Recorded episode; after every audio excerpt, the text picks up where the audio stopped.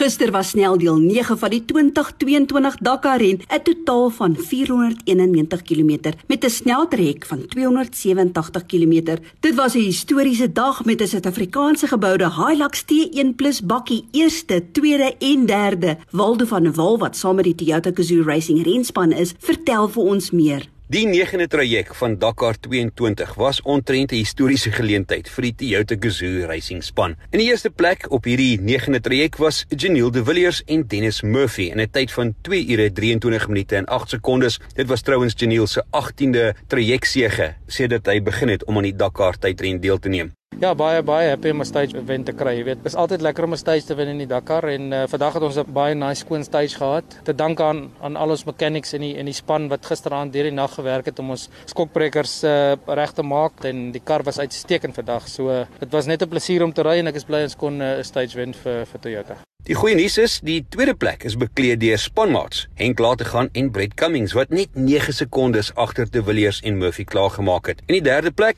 niemand anders nie as Nasser Alatia en Matthew Baumel in nog 'n Toyota Gazoo Racing Hilux. Dit beteken eerste, tweede en derde plek vir Toyota Gazoo Racing op die 9de traject. Die eerste keer wat die span so 'n 1-2-3 sege kon behaal. Terselfdertyd het uh, Shamir Variawa en Dani Stassen die 11de vinnigste tyd op die traject aangeteken, net 4 minute 38 sekondes agter spanmaats De Villiers en Murphy. In die algehele stand beteken dit dat Alatia en Baumel nou hulle voorsprong oor Loeb en Lurken kon vergroot tot 39 minute en 5 sekondes. 'n Baie baie handige buffer tussen hulle en die Franse met net 3 trajecte om te gaan. Teniel de Villiers het danksy sy goeie resultate vandag opgeskuif na die 5de posisie in die algehele punteleer en hy is uh, nou net 1 uur 45 minute agter die voorlopers, maar belangriker is dit is hy so 9 minute van die man in 4de plek af, dis Orlando Terranova. Die 10de traject, dis 'n langerige traject en vir span is dit ongelukkig 'n redelike taai een want de Villiers gaan die pad moet oopmaak, gevolg deur sy spanmaat Henk laat gaan en hopelik laat hulle goeie spore in die stof vir Nasser om te volg sodat hy sy voorsprong dalk nog net so tikkie kan vergroot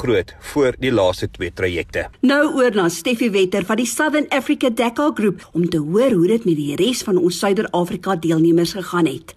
With two Century Racing CR6s in the top 10, the South African flag was waved even higher in Saudi. Mathieu Serradori was the quickest CR6, finishing in seventh position. The flying Brian Baragwanath and Leonard Kramer started the day in 23rd position and finished in ninth. This after being caught in traffic and dust, which cost them a little time. Chris Fisser and Rodney Burke lost time getting stuck in the dunes, but still finished in 26th.